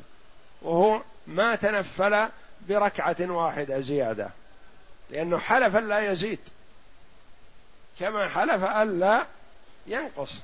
يعني يأتي بالحق بدون زيادة ولا نقص. واعبدوا الله ولا تشركوا به شيئا. لا تشرك به لا ملكا مقرب ولا نبيا مرسل فضلا عن غيرهما. يعني كلهم اللي يعبد الشمس واللي يعبد القمر واللي يعبد الكواكب واللي يعبد جبريل واللي يعبد ميكائيل واللي يعبد الملائكة عموما واللي يعبد بعض الرسل واللي يعبد المسيح واللي يعبد عزير واللي يعبد الجن والشياطين وإبليس كلهم سواء. لأن الذي عبد جبريل أو الملائكة ما عبد الملائكة حقيقة وإنما عبد الشيطان. الشيطان هو الذي أمره بعبادة الملائكة لأن الشيطان ليس صديقا للملائكة. يأمر ويحث على عبادتهم لا وإنما يريد أن يصرف ابن آدم عن عبادة الله فقط. ويعبد من شاء كل واحد. ما يريد أن يقول المرء إنه عابد للشيطان لا. يقول اعبد من شئت بس المهم إنك تبتعد وتجتنب عبادة الله. واعبد من شئت. ما يريد العبادة لنفسه لأنه يعرف أن من عبد جبريل ما عبد جبريل حقيقة وإنما عبد الشيطان أطاع الشيطان.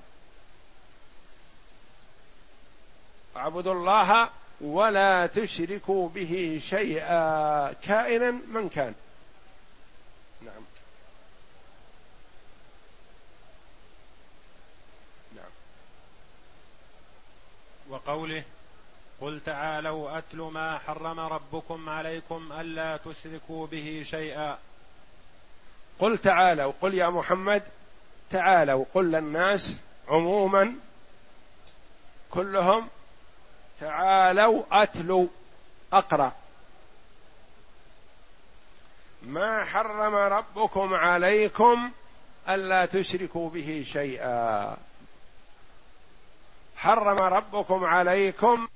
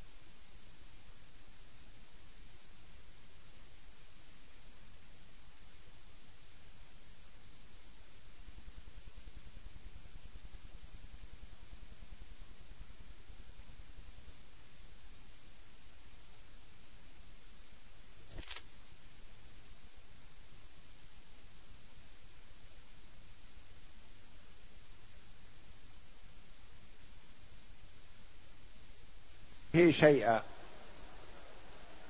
حرم عليكم الشرك. لا تشركوا به شيئا كائنا من كان.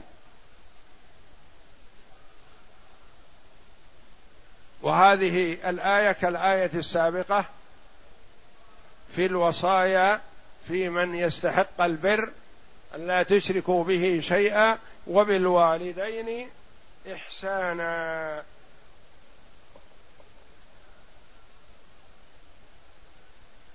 فأمر بعبادته واجتناب الشرك وأمر بالإحسان إلى الوالدين. أن هذه تسمى تفسيرية وليست مصدرية.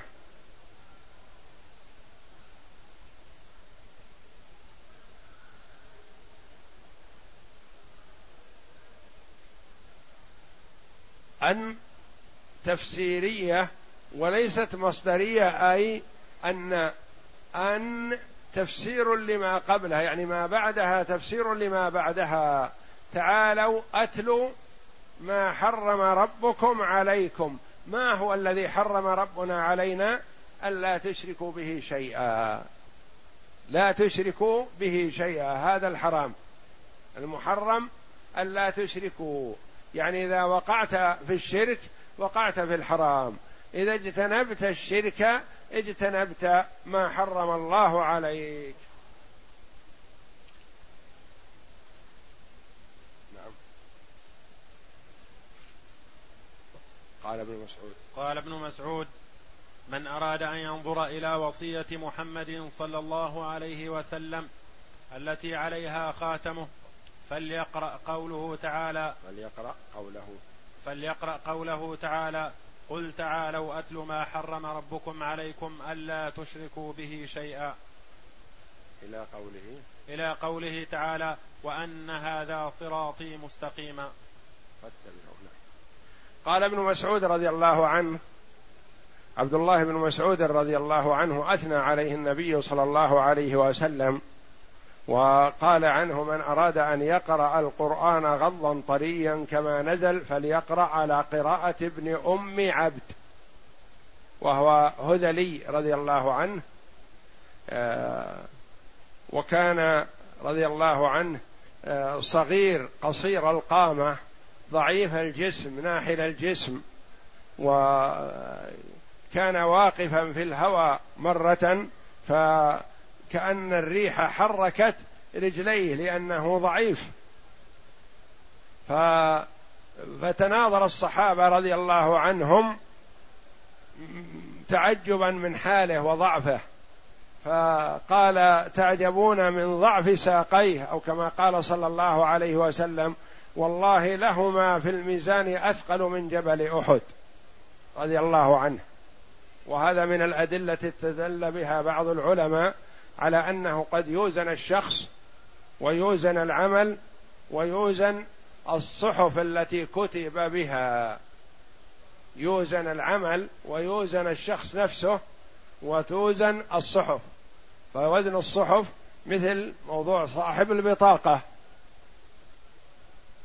طاشت السجلات وثقلت البطاقة.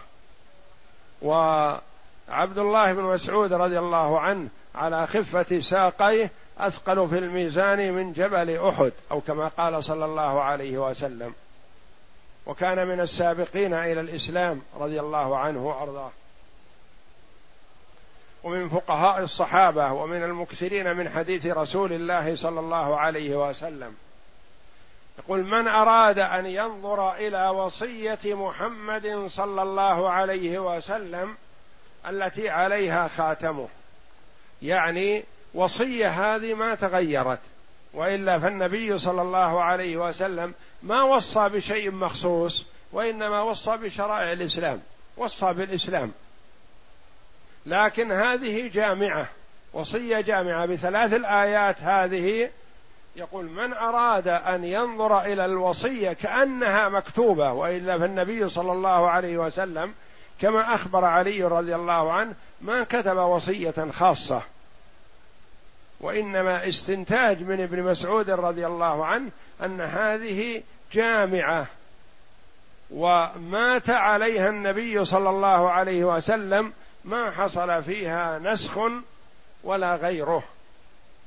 من أراد أن ينظر إلى وصية محمد صلى الله عليه وسلم التي عليها خاتمه يعني كان كأنه ختم عليها بختمة عليه الصلاة والسلام فليقرأ هذه الآيات الثلاث. قل تعالوا واتلوا ما حرم ربكم عليكم الآيات. فالشاهد فيها قوله ألا تشركوا به شيئا. ما حرم ربكم عليكم ألا تشركوا به شيئا.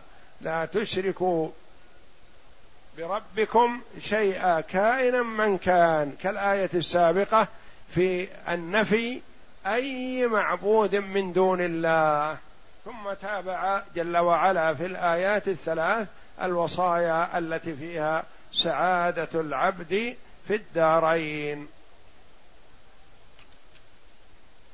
نعم.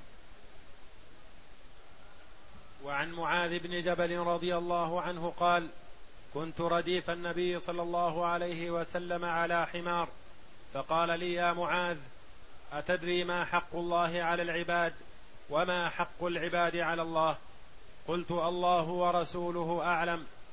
قال حق الله على العباد أن يعبدوه ولا يشركوا به شيئا. وحق العباد على الله الا يعذب من لا يشرك به شيئا.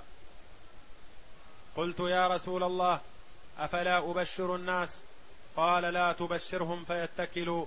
أخرجاه في الصحيحين. معاذ بن جبل رضي الله عنه أثنى عليه النبي صلى الله عليه وسلم وقال إنه يحشر يوم القيامة أمام العلماء برتوة. يتقدم العلماء رضي الله عنه فهو من خيرة علماء الصحابة رضي الله عنهم وكلهم خيار لكنه ممن أعطي الفقه رضي الله عنه. وقال عنه النبي صلى الله عليه وسلم أعلم أمتي بالحلال والحرام معاذ بن جبل. وهو توفي رضي الله عنه بطاعون عمواس شهيد وعمره فوق الثلاثين يسيرا رضي الله عنه وأرضاه. فتوفي وهو شاب وفقيه وبعثه النبي صلى الله عليه وسلم إلى اليمن معلما وداعيا إلى الله. ورسول رسول الله صلى الله عليه وسلم ورضي الله عنه. يقول رضي الله عنه كنت رديف النبي صلى الله عليه وسلم على حمار. انظر إلى تواضع النبي صلى الله عليه وسلم. يركب الحمار في المدينة وهو أفضل الخلق على الإطلاق. ولا يركب وحده يردف عليه. اثنين يركبون على الحمار. النبي صلى الله عليه وسلم ومعاذ يركب خلفه. وفيه فضيلة معاذ رضي الله عنه يركب مع النبي صلى الله عليه وسلم على حمار. كنت رديف النبي صلى الله عليه وسلم على حمار. فقال لي يا معاذ أتدري ما حق الله على العباد? في حديث غير هذا قال له النبي صلى الله عليه وسلم يا معاذ والله إني لا أحبك. يقسم عليه الصلاة والسلام وخبره الصادق المصدوق. إني أحبك يا معاذ. فقال معاذ رضي الله عنه وأنا والله يا رسول الله إني أحبك. ثم قال له لا تدعن أن تقول دبر كل صلاة اللهم اعني على ذكرك وشكرك وحسن عبادتك. وهذه ليست خاصة لمعاذ. النبي صلى الله عليه وسلم إذا وصى فردا من أفراد الصحابة فالوصية للأمة قاطبة.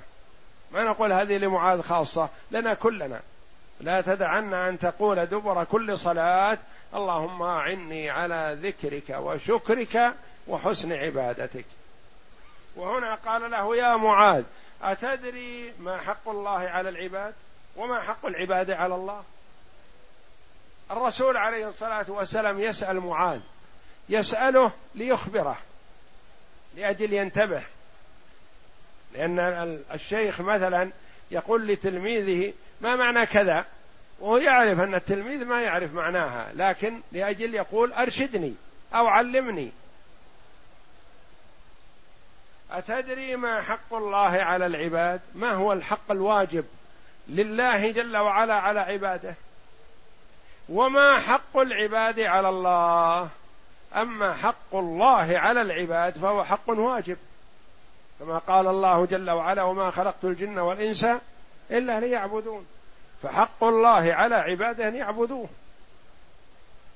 لكن حق العباد على الله ليس بحق واجب وإنما حق تفضل الله جل وعلا به على عباده كتب على نفسه الرحمة. تفضلا منه وإحسان. وأما حق العبد أو حق الله على العبد فهو حق واجب. وحق العبد على الله. حق. تفضل الله جل وعلا به. حق وعده الله جل وعلا لعباده. والله لا يخلف وعده. ماذا قال معاذ؟ قلت الله ورسوله أعلم. وهذا يقال في حياة النبي صلى الله عليه وسلم لأن معاذ رضي الله عنه يعرف أن النبي ما سأله عن هذا الشيء إلا وهو يعلم هذا.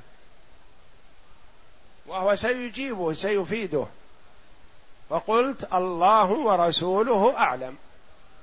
لكن إذا سئلنا الآن عن شيء مثلا لا نعلمه ما يجوز أن نقول الله ورسوله أعلم؟ وإنما نقول الله أعلم. لأن الرسول ميت. إنك ميت وإنهم ميتون. فالعلم بعد وفاة الرسول صلى الله عليه وسلم إلى الله وحده. وأدب معاذ رضي الله عنه ما قال لا أدري. قال الله ورسوله أعلم. كلام حسن. قال حق الله على العباد أن يعبدوه ولا يشركوا به شيئا. هذا حق واجب. يجب على العبد أن يعبد ربه وحده لا شريك له. وحق العباد على الله والعباد ليس لهم حق واجب وإنما حق تفضل. وحق العباد على الله ألا يعذب من لا يشرك به شيئا. لأن هذا تفضل من الله جل وعلا. والله جل وعلا لا يعذب من لا يشرك به. بفضله وإحسانه. وإلا لو عذب الخلق كلهم لعذبهم وهو غير ظالم لهم. لأنه لو حاسبهم وقاصهم كل واحد منهم مقصر في حق الله جل وعلا فيستحق العذاب ما يكون مظلوم. لأنه مهما أوتي من وعمل من العبادة ما يستطيع الكمال واستيفاء حق الله جل وعلا. وحق العباد على الله ألا يعذب من لا يشرك به شيئا. قلت يا رسول الله أفلا أبشر الناس؟ يعني هذه بشارة عظيمة. هذه بشارة كبرى. أن المرء إذا عبد الله جل وعلا حقا أن الله لا يعذبه. قال لا. لا تبشرهم فيتكلوا. يعني يضعفوا عن العمل. يجتنبوا الشرك ولا يزيدوا في العمل لا يتقربوا إلى الله بالعمل الكثير يضعفوا وكيف أخبر معاذ رضي الله عنه؟ أخبر بهذا الحديث عند موته يقول العلماء تأثما يعني خروجا من الإثم. لأن من كتم علما ألجمه الله بلجام من نار. وهذا علم غزير. فمعاذ رضي الله عنه أخبر به عند موته وإلا ما سارع في الإخبار به امتثالا لأمر النبي صلى الله عليه وسلم.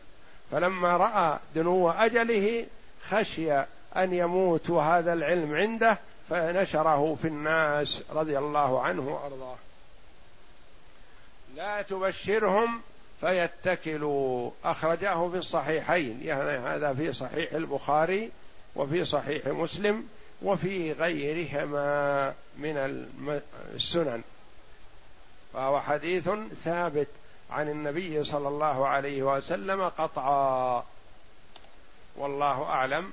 وصلى الله وسلم وبارك على عبده ورسول نبينا محمد وعلى آله وصحبه أجمعين.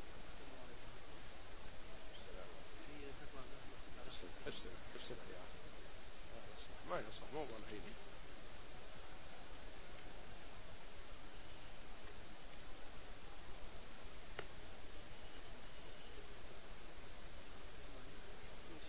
ما يصلح ما يصلح. الحين الكلام مشترك للناس كلهم.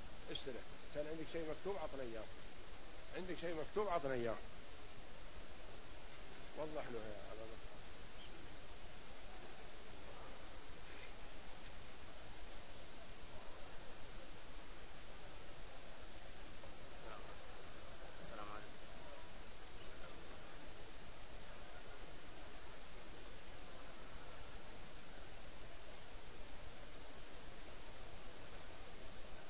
يقول السائل ما الفرق بين صلاة الإشراق والضحى؟ الله الله يحييك عليك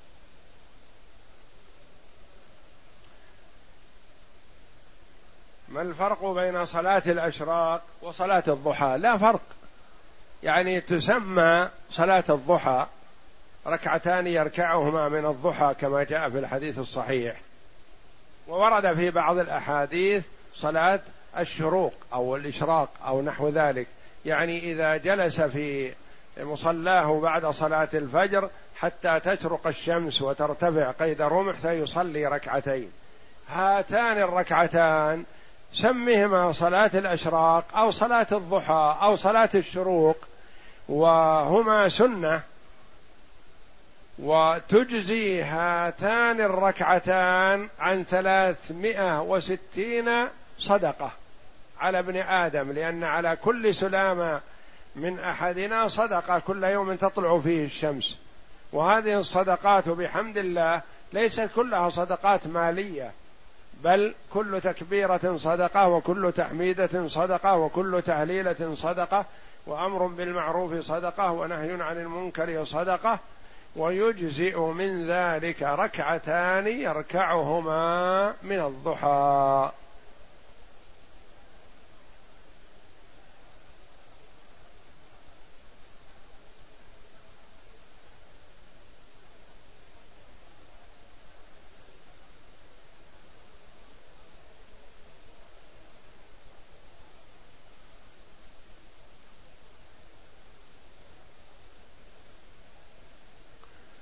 يسأل عن تكرار العمرة.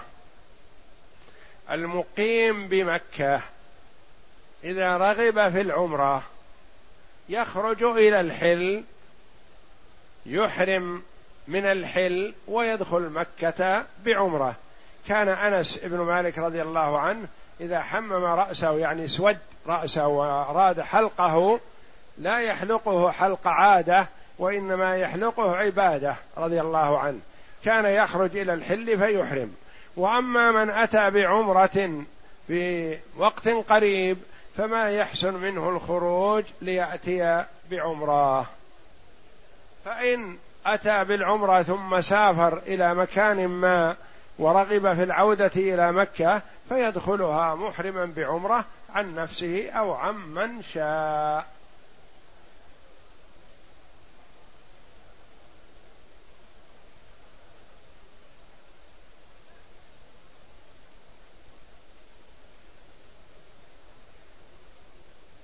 يقول شخص مسافر ودخل مع إمام مقيم يصلي العصر بنية صلاة الظهر فهل هذا صحيح؟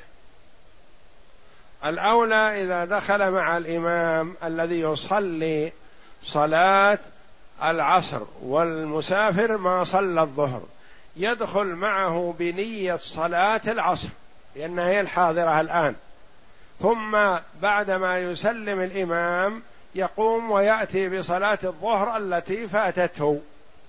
ثم هل يلزمه أن يعيد صلاة العصر لتكون بعد الظهر أم لا يلزمه؟ قولان للعلماء. فإن دخل بنية صلاة الظهر ثم أتى بصلاة العصر بعد ذلك فلعلها صحيحة إن شاء الله لعدم اختلاف الأفعال بين الصلاتين. ولنعلم أن المسافر إذا دخل مع مقيم فإنه يلزمه الإتمام ولا يجوز له القصر حينئذ لأنه يجب أن يتابع الإمام فما دام الإمام يتم فلازم أن تتم إذا صليت معه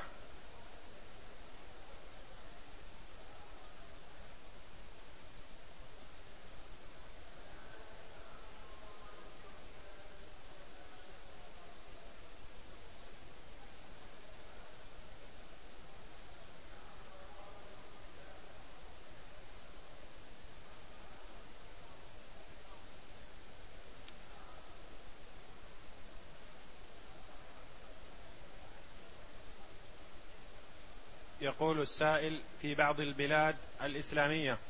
يؤدى المغرب بعد الغروب بخمس دقائق تقريبا. هل يفطر الصائم في وقت الغروب أم في وقت الصلاة؟ وقت الغروب هو وقت الإفطار. لكن على المرء أن ينتبه لأنه قد يتصور وهو داخل المدن أنها غربت الشمس. تحتجب الشمس بالمباني والجبال ونحو ذلك. وهي لم تغرب. فلا يستعجل ظنا منه أنه غربت وإنما يتبع من معه. ما دام أنه يؤذن يعني بعد التأكد والخمس الدقائق وثلاث الدقائق ليست فرق لا تؤثر. وإنما زيادة احتياط وتأكد.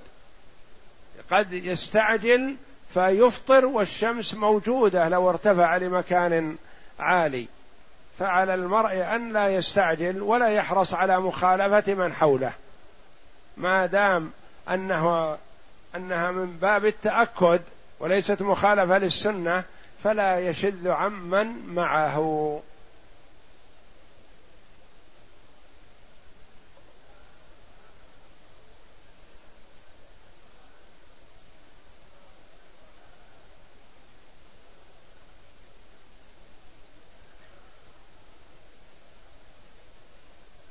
يسأل عن حلق اللحى للضرورة القصوى. أولا إعفاء اللحية واجب وأمر به النبي صلى الله عليه وسلم. أعفوا اللحى أكرموا اللحى أرخوا اللحى خالفوا المجوس خالفوا المشركون خالفوا اليهود وأحفوا الشوارب. هذا هو السنة وهو الواجب على المسلم. إذا اضطر ضرورة كأن يكون في مكان ما. إذا أعفى لحيته حبس وضرب وأوذي واتهم باتهامات هو بريء منها لكن لما يرون عليه من هذا الأثر فيتهمونه بأمور فحينئذ يكون حلقها ضرورة. والله جل وعلا عذر من تكلم بالكفر وقلبه مطمئن بالإيمان تخلصا ممن يؤذيه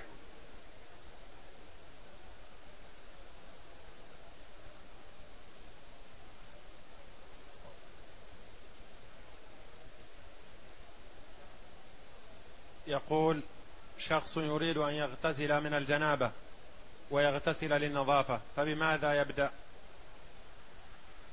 إذا أولا لابد من نية رفع الحدث. نية رفع الحدث أكبر أو أصغر لابد ينويه. فإذا نوى رفع الحدث الأكبر بالاغتسال يكفيه عن للنظافة ورفع الحدث. إذا نوى النظافة مثلا أو التبرد مثلا ما كفاه عن رفع الجنابة.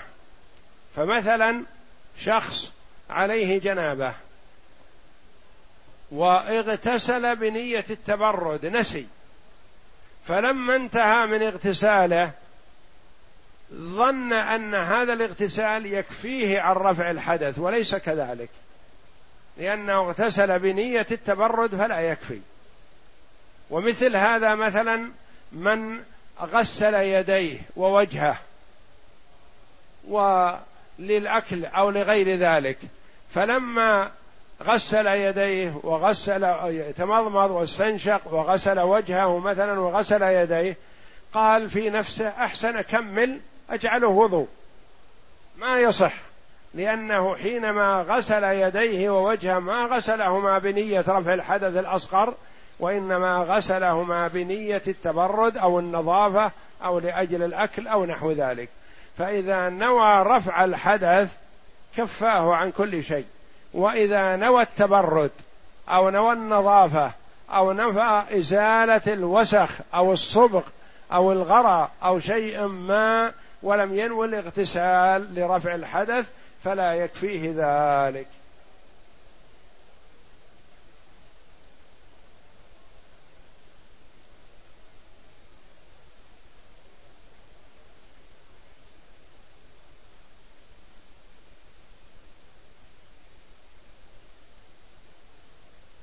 يقول أتيت من المغرب بالطائرة وأحرمت بنية العمرة لكن لا أعلم هل تجاوزت الميقات أو لم أتجاوز. ما دام أنك أحرمت حينما أمرت بالإحرام بالطائرة أو بالباخرة أو بالسيارة ووجهت بأن تحرم من ها هنا وأنها حاذيت الميقات فليس عليك إلا هذا والحمد لله. فإحرامك صحيح حينئذ إن شاء الله ولا تسأل عن شيء أنت منه معافى والحمد لله. والله أعلم.